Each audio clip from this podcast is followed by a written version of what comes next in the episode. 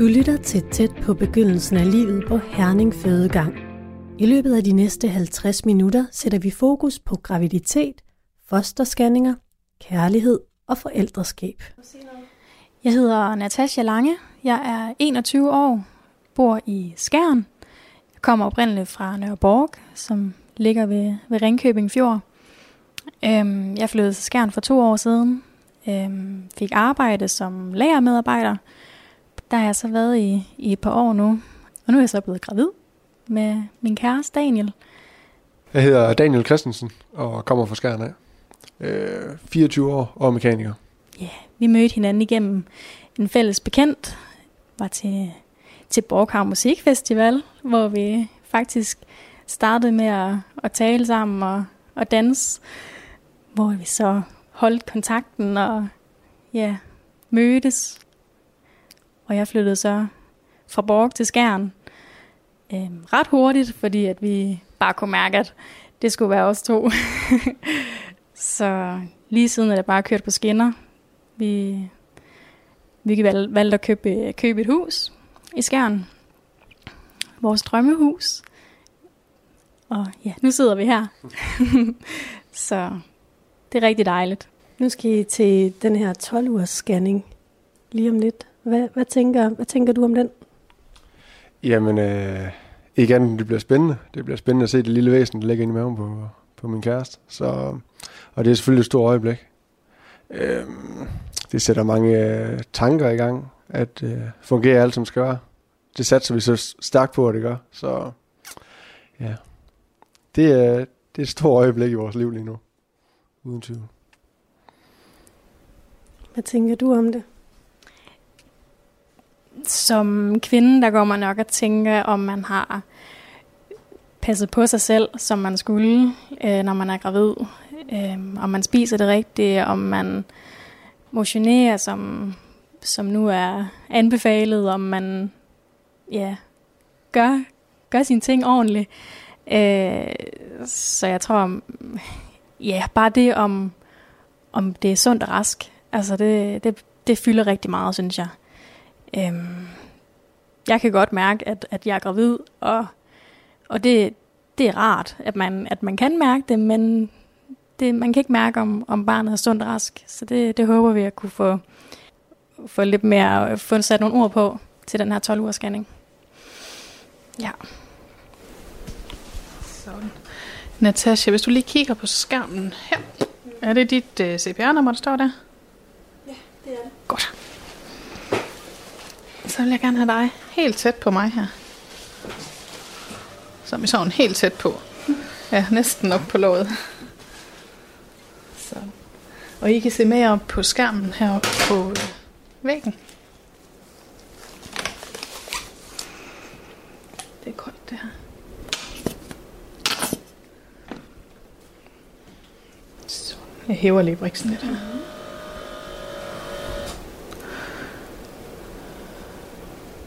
Så ligger der sådan spirvip herinde og vokser.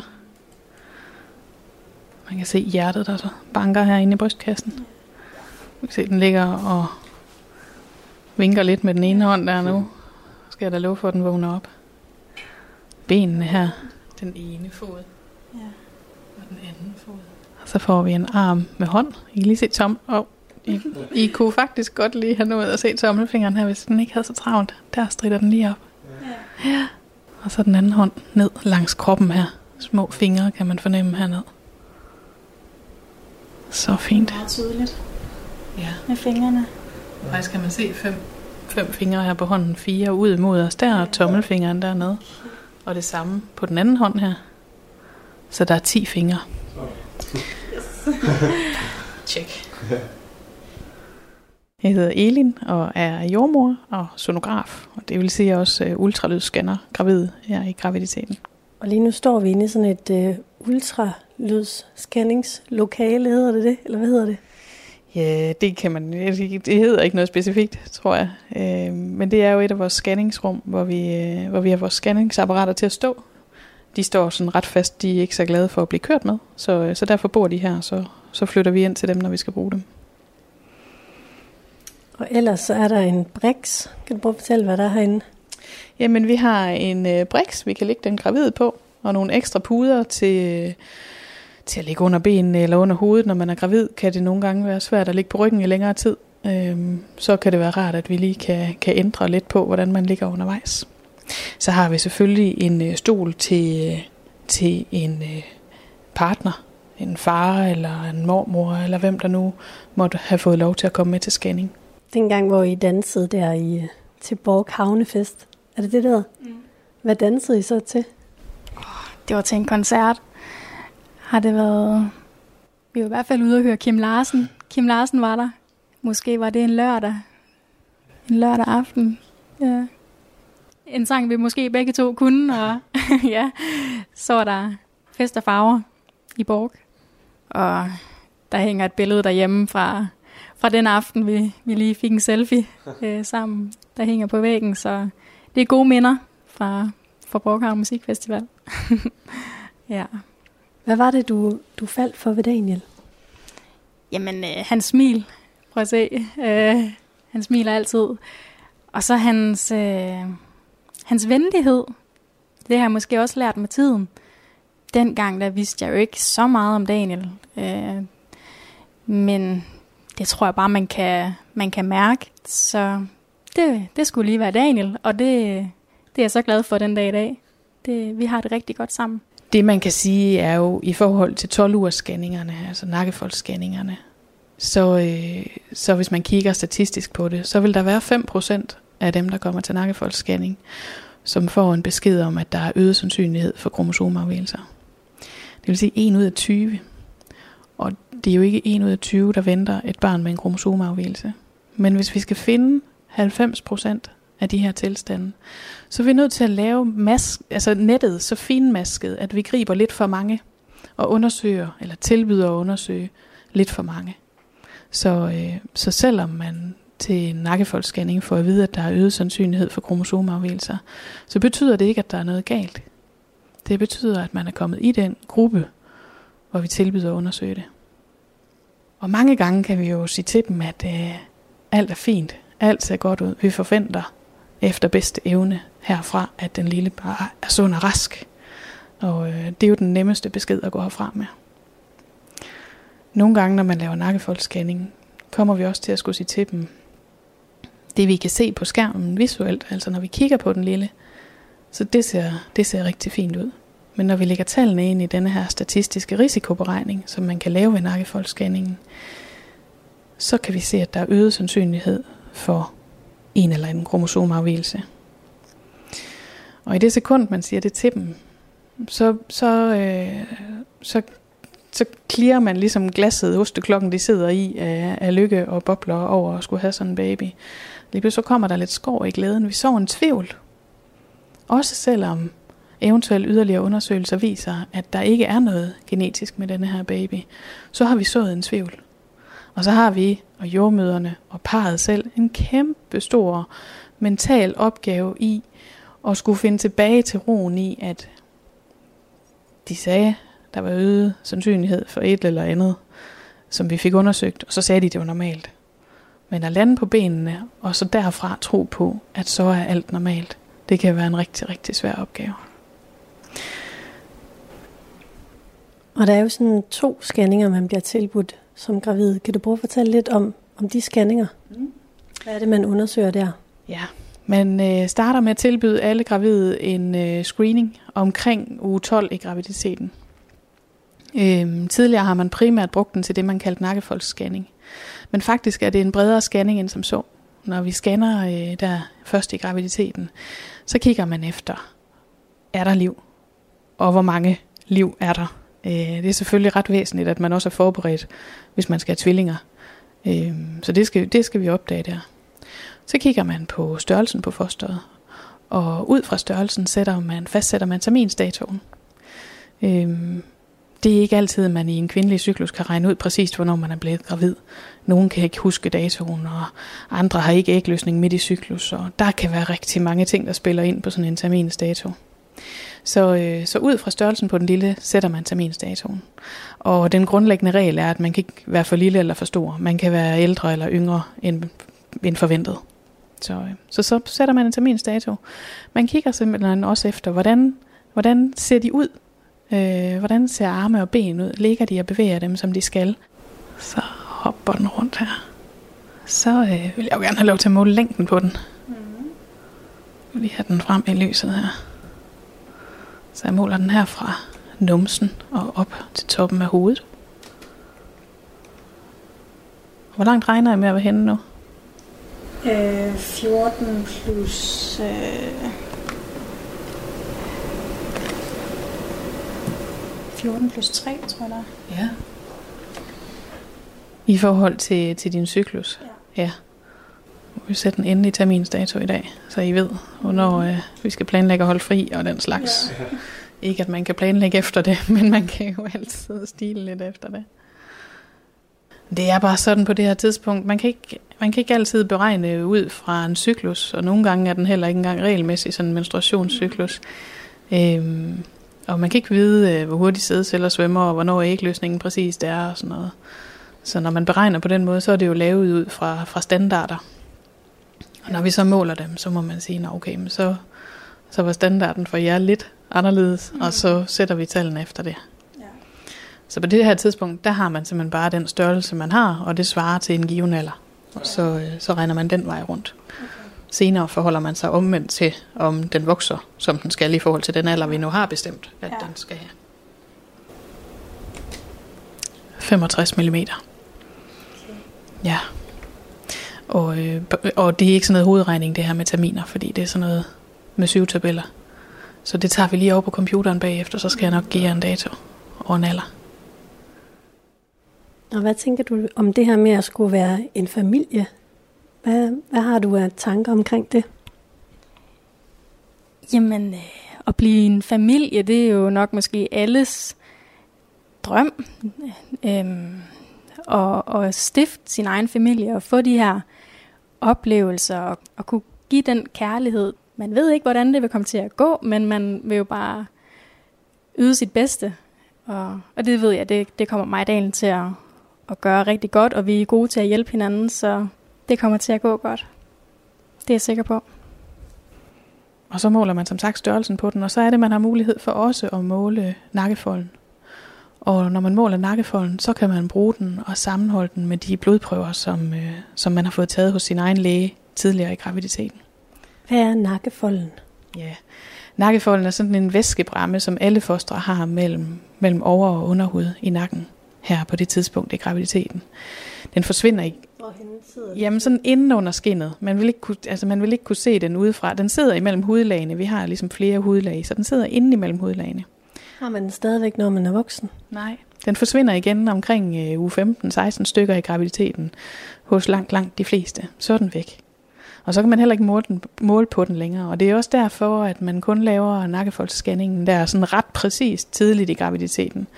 Nogle gange passer det ikke lige med ens arbejde og sådan noget, man skal komme forbi. Og så kan man opleve, at vi er sådan lidt strikse omkring tidspunkterne, at, at der er jo grænser for, hvor længe vi kan love at lave den undersøgelse. Så, øhm, og det er simpelthen fordi, at når man, øh, når man kommer hen over uge 14, så kan man ikke mere. Så kan det ikke lade sig gøre mere. Så øh, ja. Så nakkefolden kan man bruge i sådan en beregning, som er baseret på statistik omkring, hvad er, øh, hvad er standardtykkelser for nakkefold i uge, specifikt lige den uge og dag, vi er på nu.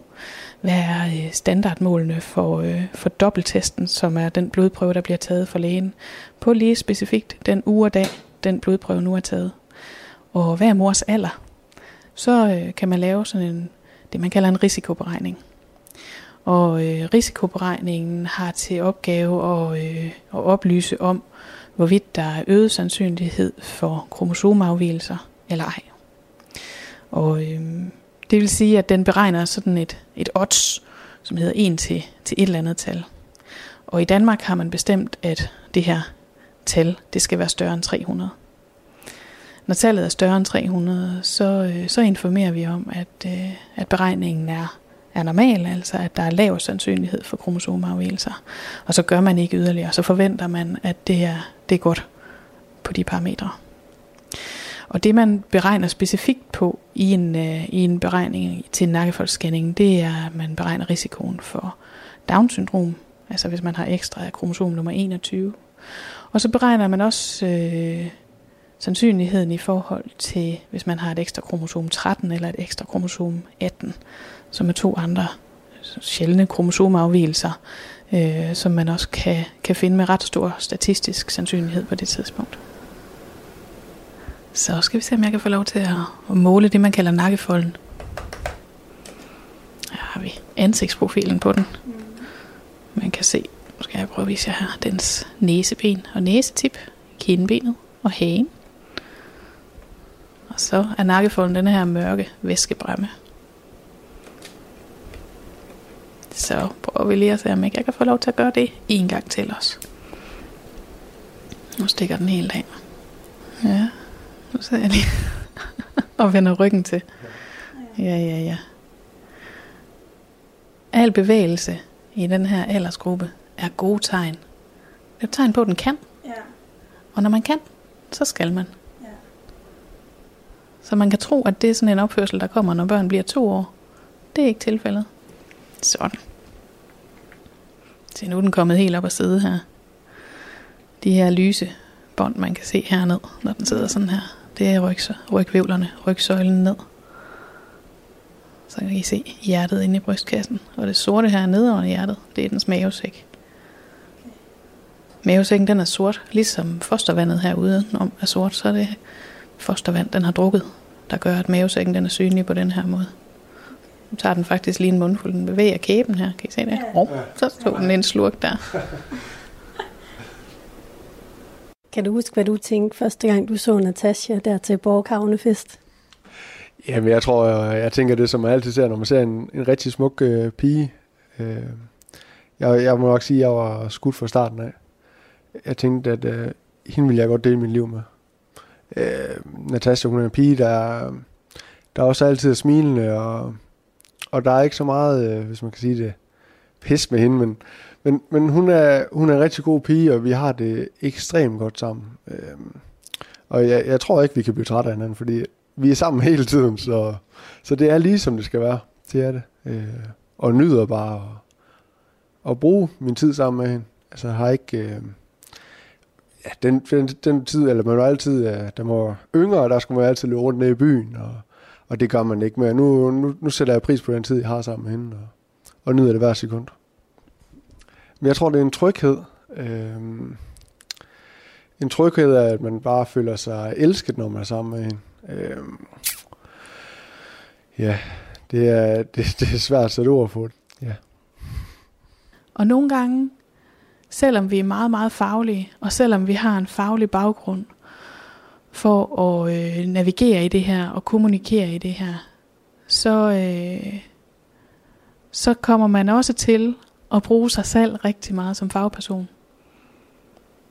Fordi at, at man godt ved, hvor ondt det gør. Og det er, det er måske ikke det er måske ikke altid de her tal, der er sværest, men mere det at forholde sig til, men vil vi vide mere om det?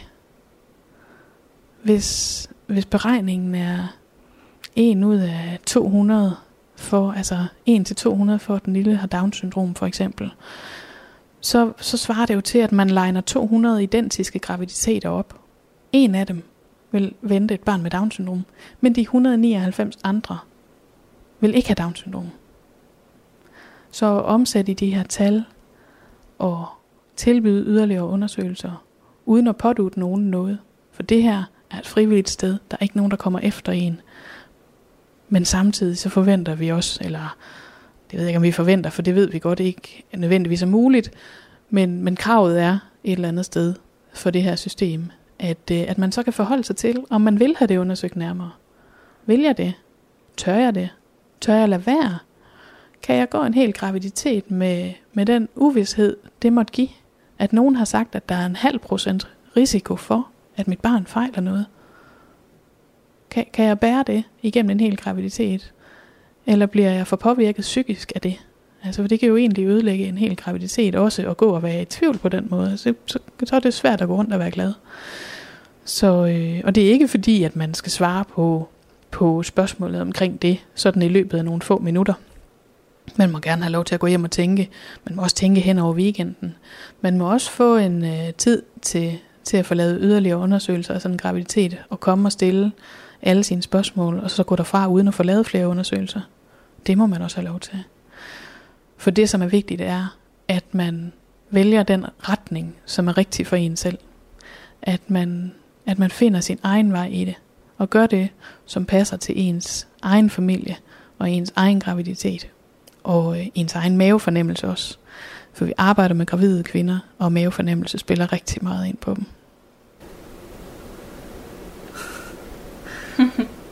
ja, og hvis den lige kunne få den der lille hånd op til munden også, så er den her dag jo altså reddet. Åh, oh, en stor mundfuld, der skal til nu. Ja. Sådan. Ja. Det var et gab. Det kan også godt være, det var et gab. Han er træt. Ja, ellers så var det i hvert fald ret meget vand, der skulle til lige der. Det kan godt være, at den bliver helt søvnig. De sover jo i sådan en, øh, en... Altså, de har en kort søvnrytme på den måde. De, de sover tit. Mm. Øhm, og så vågner de op, og så er de aktive i nogle minutter. Ja. Øhm, måske en halv time. Alt efter alderen. Det bliver mere og mere hen ad vejen. Ja. Og så sover de igen. Man vokser bare bedst, når man sover. Så nu har vi en længde på den, og jeg har målt nakkefolden. Jeg har set dens hjerte og dens mavesæk på langs her, så nu vender jeg rundt og kigger ned i den lille på tværs. Og jeg starter helt heroppe på toppen af hovedet. Der kan man kigge ned i hovedet og ind i hjernen på den. Faktisk. Og man kan se, den har panden ud til højre i billedet her. Man kan se, at den har to hjernehalvdele herinde. Og den har en flot hovedform. Og hvad, hvad tænker du om at skulle til at, at lave en familie sammen med Natasha? Jamen, øh, jeg tænker, det bliver, det bliver vildt fedt. Øhm, jeg glæder mig til det, og glæder mig til at se, hvad, hvad det bliver for en hverdag, man så får, fordi man e-, vender jo livet 180 grader, når man får et barn, og det er jo ikke de gamle rutiner, man skal gå efter, så er det lige pludselig nye rutiner, og vi ved ikke, hvordan rutinerne de bliver endnu, men er ret sikker på, at vi finder ud af det, fordi vi kan godt sammen, og vi diskuterer ikke om, om alt muligt småt. Altså det er, det kører, og, så det skal nok blive rigtig godt. Uden tvivl. Det kan godt være, at der er andre, der synes, vi måske er for meget sammen, eller vi er for sukkersøde, eller at vi ikke kan undvære hinanden, men sådan er vi, og det er det, vi har det bedst med. Det, det er det, der betyder noget for os, at, at vi ved, at vi har hinanden, og ja, det er nok. og jeg starter helt heroppe på toppen af hovedet. Der kan man kigge ned i hovedet og ind i hjernen på den. Faktisk. Og man kan se, den har panden ud til højre i billedet her. Man kan se, at den har to hjernehalvdele herinde. Og den har en flot hovedform. Det er sådan fint og ikke formet. Ja. Og ind imellem hjernehalvdelene her, der ligger der sådan en fin midtlinje, som, eller sådan et septum hedder det, sådan en skillevæg mellem hjernehalvdelene. Så det ser helt rigtigt ud herinde. Ja, vi kan beregne statistisk på, på Down-syndrom, men selve denne her første scanning øh, på det her tidspunkt er meget mere end Down-syndrom. Ja. Man kigger jo også på, at den ligesom har standardform, ja. og at målene passer sammen. Ja. Øhm, hvis man kigger fagligt på det, så, øh, så er Down-syndrom en brik i puslespillet. Mm. Der er mange ting, vi gerne vil forholde os til. Mm. Så jeg kigger på, at, at kroppen og hovedet ligesom passer sammen. Ja. Øhm, fordi ellers så skal vi være opmærksomme. Jeg troede faktisk, det var en stor del af, af den her 12-ugers scanning, at det var Down-syndrom, man snakkede om her. Ja, men det er jo også fordi, det er nu, vi kan regne på det. Ja. Man må bare sige, hvis man ser det med faglige briller, så, øh, så opdager vi også nogle gange andre ting. Når jeg kigger på jeres baby her på skærmen, så ser den rigtig fin ud. Der er ikke noget, der springer i øjnene nogen steder. Men, øh, men for eksempel, så, så skal man jo se, at de her hjernehalvdele, de udvikler sig, at det ser rigtigt ud. Så der er meget mere i det, med det vi kan se visuelt, end bare, end bare beregningen i forhold til Down-syndrom. For Down-syndrom, beregningen, altså nakkefoldsberegningen, er ren statistik, baseret på de mål, jeg har fra scanningen, og din alder og dine blodprøver. Mm. Øh, men scanningen kan fortælle så mange flere ting, øh, end den beregning kan fortælle os. Du lytter til tæt på begyndelsen af livet på Herning Fødegang. Vi fortsætter igen efter nyhederne. Du lytter stadig til tæt på begyndelsen af livet på Herning Fødegang, hvor vi i dag sætter fokus på graviditet, fosterscanning, kærlighed og forældreskab. Aktive barn her, det er helt vidunderligt at se på. Øh, vi kører ned igennem, det er ikke sikkert, at I synes, det er visuelt så nemt at følge med i, men øh, lad os prøve at se, hvor, hvad vi kan lokke den til at være med til. Den snorer rundt. Når man kommer ned her, nu bliver det lidt nørdet, og det er meget småt. Men her kan man se den ene øjenhule, og der kan man se den anden øjenhule, og her kan man faktisk se næsen, der lige titter op. Ja. Så kan vi se dens overkæbe og underkæbe. Dem så vi også før fra siden af. Det er hagen her. Ja. Så, øh, og det ser, øh, det ser sådan standard ud. Altså det ser ud som det, jeg plejer at se, og det er dejligt på det her tidspunkt. Jeg talte med Elin om, at faktisk når man er gravid, så fortalte hun mig, det var jeg ikke klar over, men at sådan, den udvikling, der sker inde i hjernen, når man er gravid, den svarer til hele den udvikling, man gennemgår i sin teenageår. Så i, løbet af de ni måneder der, der gennemgår man en voldsom udvikling i sit hoved. Kan du mærke det, at der sker nogle forandringer? Det synes jeg godt. Man bliver meget mere bevidst om, hvad, hvad alle andre også har været igennem. Man, øh, man kan lige pludselig måske være med i snakken om, øh, kan du huske, øh, da man skulle have, have styr på det, og kan du huske, da man skulle have styr på det, og jeg tror, mange ting kommer lidt af, lidt af sig selv her hen ad vejen. Også lige så snart, øh, jeg, øh, jeg tænker, når barnet er født, der, der går man også nogle ting igennem. Man kommer til nogle lægebesøg, og man skal i en mødergruppe, og man forventer en masse ting, og, og det er bare en proces, jeg glæder mig helt vildt meget til, fordi jeg glæder mig også til at, at lære øh, om alt det, der, der hører med. Øh, det bliver vildt fedt. Hvad, hvad kunne det være? Hvad kunne det være? Altså, øh, når barnet skal starte i dagpleje, altså, det er jo ikke noget, man går og tænker på allerede nu, men det tænker jeg, det, det er noget, man måske forvent med mødergruppen, og, og det gør no, nogle ting lettere, øh, at man, man, man, kan, man kan spare med andre møder. Øh, det tror jeg, det, det bliver godt, og det, det bliver en god tid. Det, det er jeg sikker på. Der er vel også nogle gange, hvor til den her nakkefoldsscanning, hvor du oplever, at der simpelthen ikke er liv. Hvordan er det at skulle give sådan en besked til forældrene, og hvordan gør du det?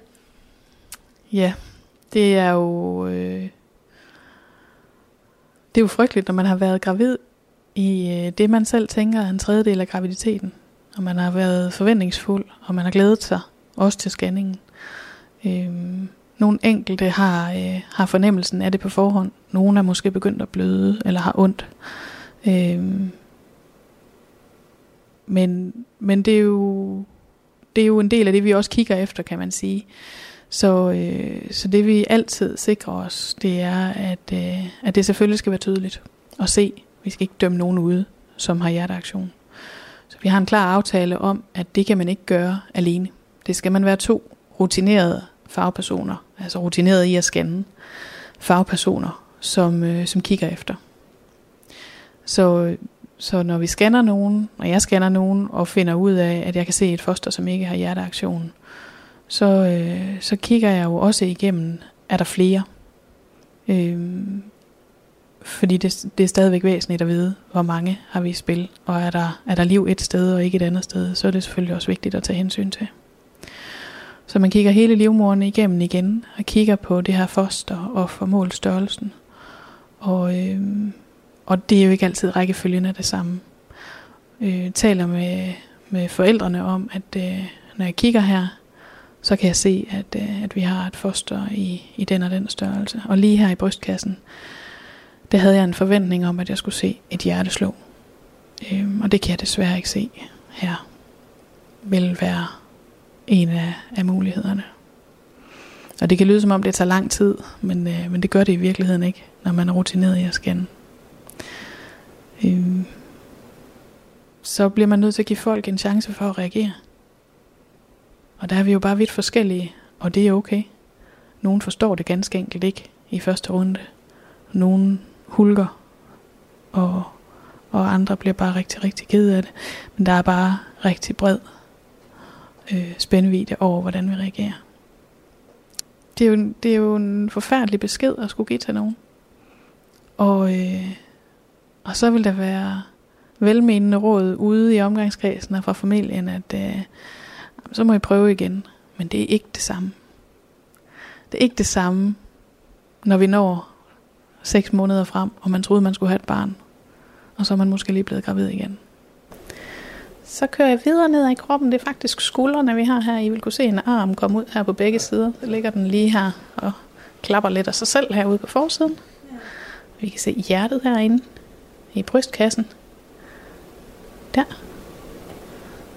Og øh, faktisk kan man se inde i det her hjerte, at det ser opdelt ud. Altså opdelt i fire hjertekammer. Det går, være, I synes, det er svært at se. Det er på størrelse med et riskorn, så der er grænser for. Men der står en skillevæg ned her. Jeg lytter til hjertet her. Øhm, skal vi bare høre.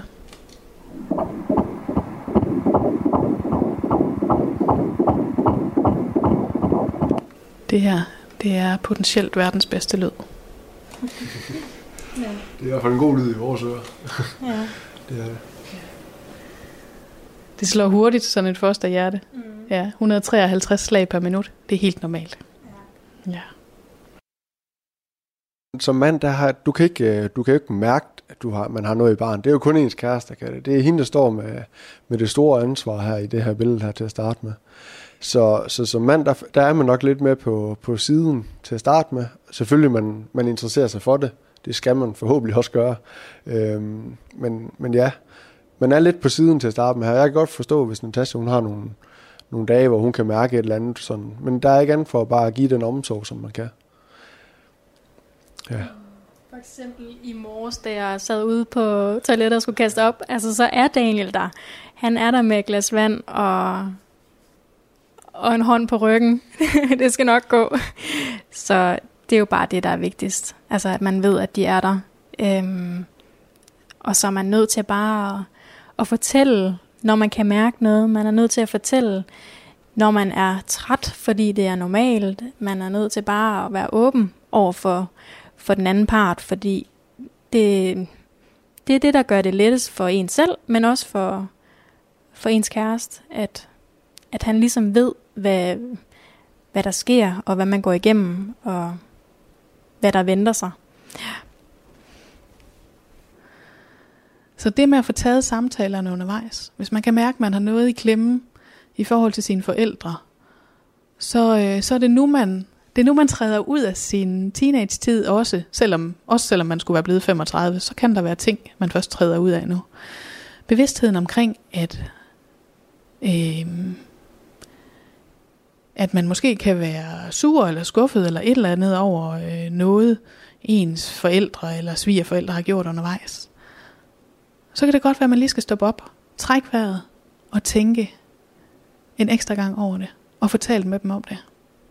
Og nogle gange kan man øh, have brug for at sige til sine forældre, jeg er rigtig ked af øh, måden, I reagerede på, da jeg smadrede jeres bil første gang. Hvad ved jeg? Et eller andet eksempel.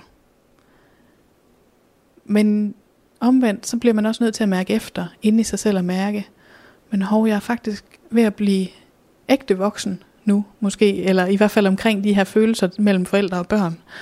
Øhm, og jeg ved godt, I gjorde jeres bedste. Jeg ved også bare, at jeg bliver rigtig ked af det. Det kan være, hvordan de har været der, eller ikke har været der til en eller anden eksamen, eller undervejs, eller hvad ved jeg. Øhm, en skilsmisse, der øh, ligger og roder inde i ens bevidsthed, for nu skal man lige pludselig selv have et barn, og hvad kommer man til at udsætte det for undervejs? Og det er jo sandsynligvis ikke lige skilsmisse, man tænker på, når man går og venter et lille nyt liv. Men, men derfor kan det godt have påvirket en undervejs, og det kan godt øh, påvirke billedet af, hvad man tænker, man selv bliver for en forælder. Og det kan godt give en sådan en lidt, øh, lidt frygt indeni for, at man, øh, man kunne jo komme til at påføre ens eget barn noget tilsvarende. Og hvad gør man så, hvis man er rigtig sur over, at det ens forældre har budt en? Så, øh, så der kan være nogle ting, der er rigtig gode at få sat ord på. Og det hjælper ikke noget at gå tilbage 20 år senere og skælde sine forældre ud. Men nogle gange så hjælper det at sige til dem, jeg blev rigtig ked af det. Og jeg bliver stadig rigtig ked af det, når jeg tænker på det.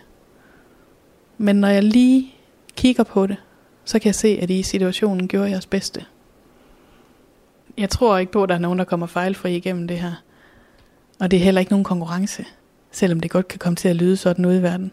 Det er faktisk ikke nogen konkurrence. Man skal bare gøre sit bedste. Og nogle dage er ens bedste bedre end andre dage.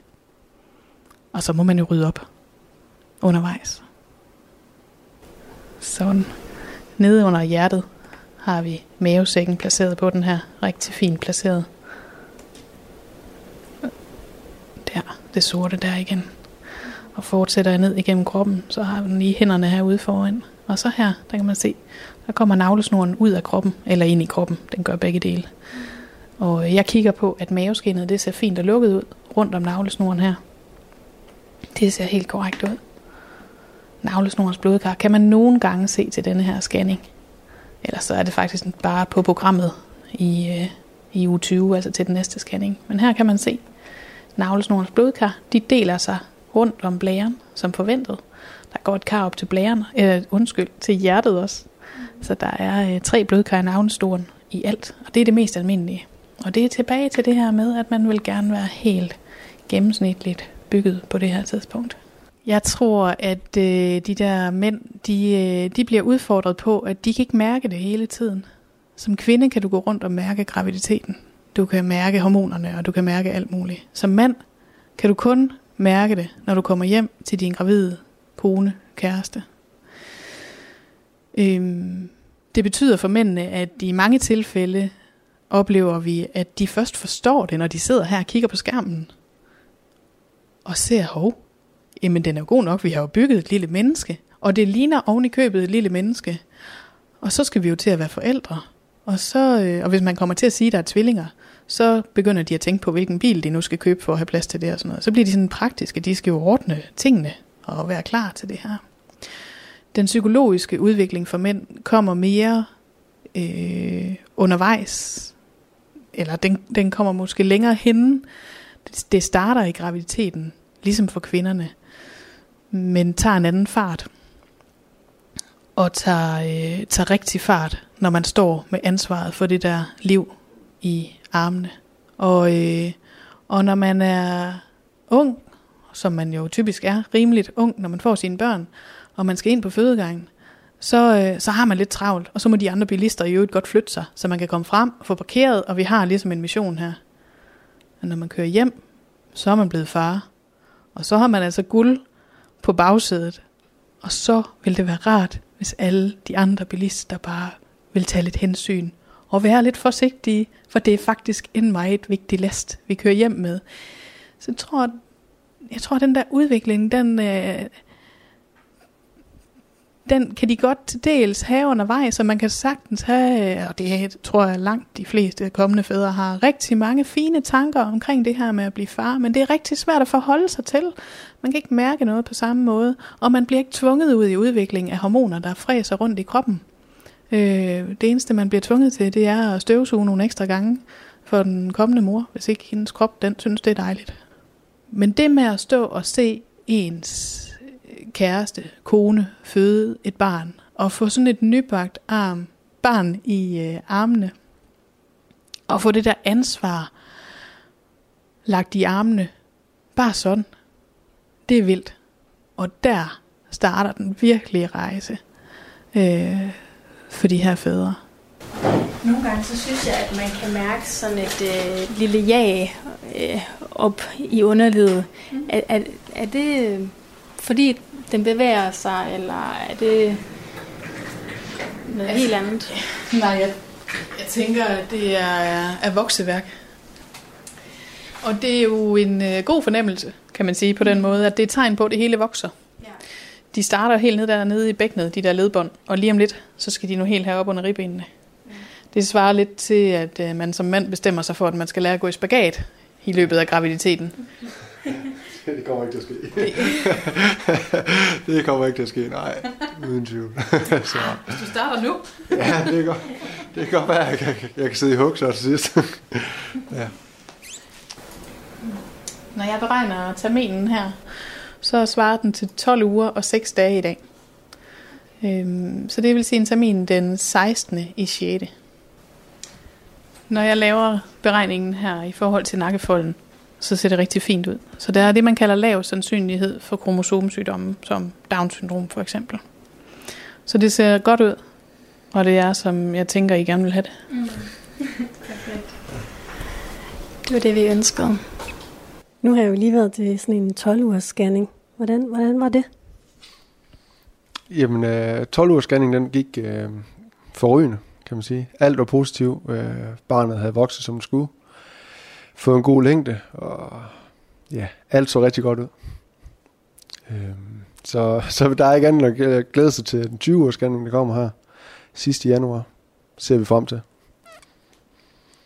Vi ved jo psykologisk, så, øh, så er der en række graviditetsprocesser, som, som man gennemgår, især i sin første graviditet.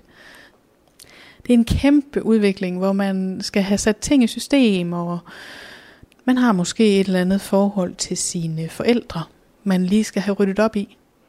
Og øh, man, kan, man kommer til at ubevidst eller bevidst gå og forholde sig til, hvordan var mit øh, forhold til min egen mor? Hvad var min egen mor for en? Hvad var min egen far for en? Hvad for en mor eller far vil jeg gerne være? Og hvordan vil jeg gerne have, at mine forældre er bedsteforældre? Og det er en helt anden proces. Det er det her med bedsteforældre i graviditeten, især når de skal have deres første barnebarn. Men den gravide gennemgår simpelthen inde i sin hjerne en kæmpe forandring. Øhm, som, som man kan undre sig over i graviditeten. Noget af det er hormoner. Man kan undre sig over, at man kommer til at gå og græde over ting, som man ikke plejer at græde over. Pludselig kan man ikke se naturprogrammer, uden at græde over små fugleunger, der bliver spist. Øh, andre ting, man ikke plejer at reagere på, sidder man og store tuder over. Øh, og for nogle kvinder er det helt, helt uvandt fordi de er vant til at være i kontrol, fordi de er vant til at have styr på sig selv, og de er måske vant til at have nogle vilde jobs, hvor de især skal have styr på sig selv og kommunikere med, med tunge virksomheder, hvad ved jeg. Øh, men uanset hvem man er, og uanset hvilken baggrund man har, så er det her en kæmpe stor udvikling for ens hjerne og ens liv. At finde ud af, hov, det var ikke bare at blive gravid. Og jeg troede, jeg havde planlagt det hele til mindste detalje, men man bliver overrasket over, hvor mange flere detaljer, der dukker op undervejs hvad, hvad tænker jeg om det her barn, hvad drømmer jeg om, og hvad med min partner? Hvad, hvad bliver han eller hun for en, øh, for en forælder? Hvad kommer der til at ske med det her lille barn her? Ja. Hvis man så oven i købet også skal nå at opdrage en lille smule, eller selv føler, at man bliver nødt til at opdrage en lille smule på sine forældre undervejs, så er en graviditet ikke ret lang. Så er der virkelig meget arbejde. Og, øh, og kommende bedsteforældre, de udvikler sig også, især når det er første barnebarn. Det der med lige pludselig at steppe en generation op, og skulle forholde sig til, at øh, wow, mit barn skal være forældre.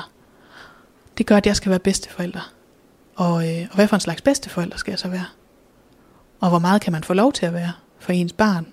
Det kan være, det, det kan oven i købet være, det er ens svigerbarn, man skal, skal ind i hjemmet hos. Hvor, hvor langt kan jeg få lov til at komme ind? Hvad kan vi få lov til at gøre? kan, hvor meget må vi få lov til at være omkring det her barn? Og der er jo forskel på alle, og, øh, og jeg kan kun opfordre til, at man tager den her samtale undervejs, også selvom den måske kan virke svær. Der er ikke noget, der er så svært som at tage den her samtale med et barn i armene, som man måske er enig eller uenig omkring. Så der kan være nogle store fordele i at gribe chancen og mærke det her bløde, følsomme inde i en, selvom man er vant til at være i kontrol, og sige, hov, jeg kan mærke det her, det, det bringer mig i tvivl om øh, fremtiden med det her barn, og vores samarbejde omkring det her barn. Det jeg forestiller mig er sådan og sådan. Og det jeg i hvert fald ved, er, øh, er en grænse for mig. Det kan være omkring, øh, hvornår må man spise slik, øh, hvem skal putte det her barn, og øh, må man ryge i nærheden og sådan noget. Der kan være mange ting i spil. Der kan være mange ting, hvor man bare kan mærke, nej, det her, det vil jeg slet ikke være med til omkring mit barn. Og så er man altså nødt til at klæde de der bedste forældre på til at være nogle, nogle gode øh, bagstopper for en, til at, øh, at være med til at gribe, fordi at øh, hvis man tror, man selv elsker ens barn, så, øh, så må man sige, at der er potentiale for, at de der bedste forældre, de i hvert fald er, øh, er så godt som med på bølgelængde på den følelse. det, det må være stort og vildt også at blive bedsteforældre. Vitaminer og øh, vitaminer i jerntilskud. Har du styr på det? Ja, jeg tager sådan en øh, vitaminpille, med, der indeholder det, det hele, og sådan en ekstra jern-tablet. Ja. Er der noget, I har brug for at spørge om i forhold til graviditeten? Jeg tror, vi har taget det sådan lidt efterhånden her. Ja. Ja. Det var bare dejligt at, at se igen. Altså, man mærker jo ikke, at, at, at der er hjerteblink, og, og den bevæger sig så meget. Så det er rart at få lov at se. Mm. Mm, meget. Ja. Og du sidder sådan og kigger lidt forelsket på de her Ja, billeder. ja, men det er, jo, det er jo et vanvittigt stort øjeblik, så det er svært at sætte sig ind i for andre folk, tror jeg. Men, men det er bare en kæmpe glæde i sig selv. Og når alt er som det skal være, så er det jo kun positivt. Man tør næsten ikke at tro på det, altså når man går derhjemme, at kan vi virkelig, kan vi virkelig lave et velskabt barn? Altså, kan vi være nogle af de heldige? Og det, det er bare dejligt at få lov at, at høre øh, fagpersoner. Ja. Det er ret vildt. Det er ret vildt, at man bare altså, kan bygge et menneske, eller det, man kan sætte det i gang i hvert fald, og så, så bygger den videre selv. Ja. Ja, der er sådan noget, der er sådan noget lidt magisk over det. Altså, man, man kan godt sidde og give sig til at fintænke på det, men det bliver det næsten bare sværere af. Ja. Vi købte jo et rimelig stort hus her til at starte med, så der er en masse værelser, og øh, ja, vi har fundet ud af, hvilken værelse det skal være. Det bliver så det mindste til at starte med, men, øh, men ja, der skal selvfølgelig en klat maling på væggen nu her øh, en gang, og der skal indrettes noget værelse. Øh, så, så jo, værelse det er fundet, så skal vi bare have fundet alt det sidste. ja. Der er mange ting, man skal ud og have, have styr på, og det havde vi snakket om, at jamen, efter 12 ugers scanning her, hvor at vi ligesom ville få forhåbentlig få et godt svar, så kunne vi begynde at, at kigge efter, hvad vi, hvad vi vil have, hvad vi skal indrette værelset med, og ja, så det begynder lige så stille nu, hvad vi skal, hvad vi skal have styr på. Ud fra hvad jeg lige øh, kigger efter i, i, i bøgerne, så er der rimelig meget, man skal have, have købt ind. Så det er med at starte tidligt. Det man kan sige, når vi sidder her og scanner, det er jo, at øh, langt, langt, langt de fleste scanninger, vi gennemfører, øh, de er jo heldigvis bare rigtig, rigtig fine, og med rigtig flotte resultater. Øhm, det er ikke dagligdag at finde noget, som, øh, som ikke er, som det skal være. Men hen over en måned, tænker jeg, vi, øh, vi vil opleve det hver især. Så, øh, så i store træk, så lukker vi glade og forventningsfulde kommende forældre ind ad døren, og øh, endnu gladere og endnu mere forventningsfulde og til dels opstemte øh, kommende forældre ud af døren, når de går igen. Øh, så, øh, så langt de fleste scanninger er jo, er jo et drømmejob at udføre og øh, at være i. Det er smartest at være enige om, hvorvidt man vil vedkønnet. Ja. Vi tager det som en overraskelse, når det kommer. Det tror jeg.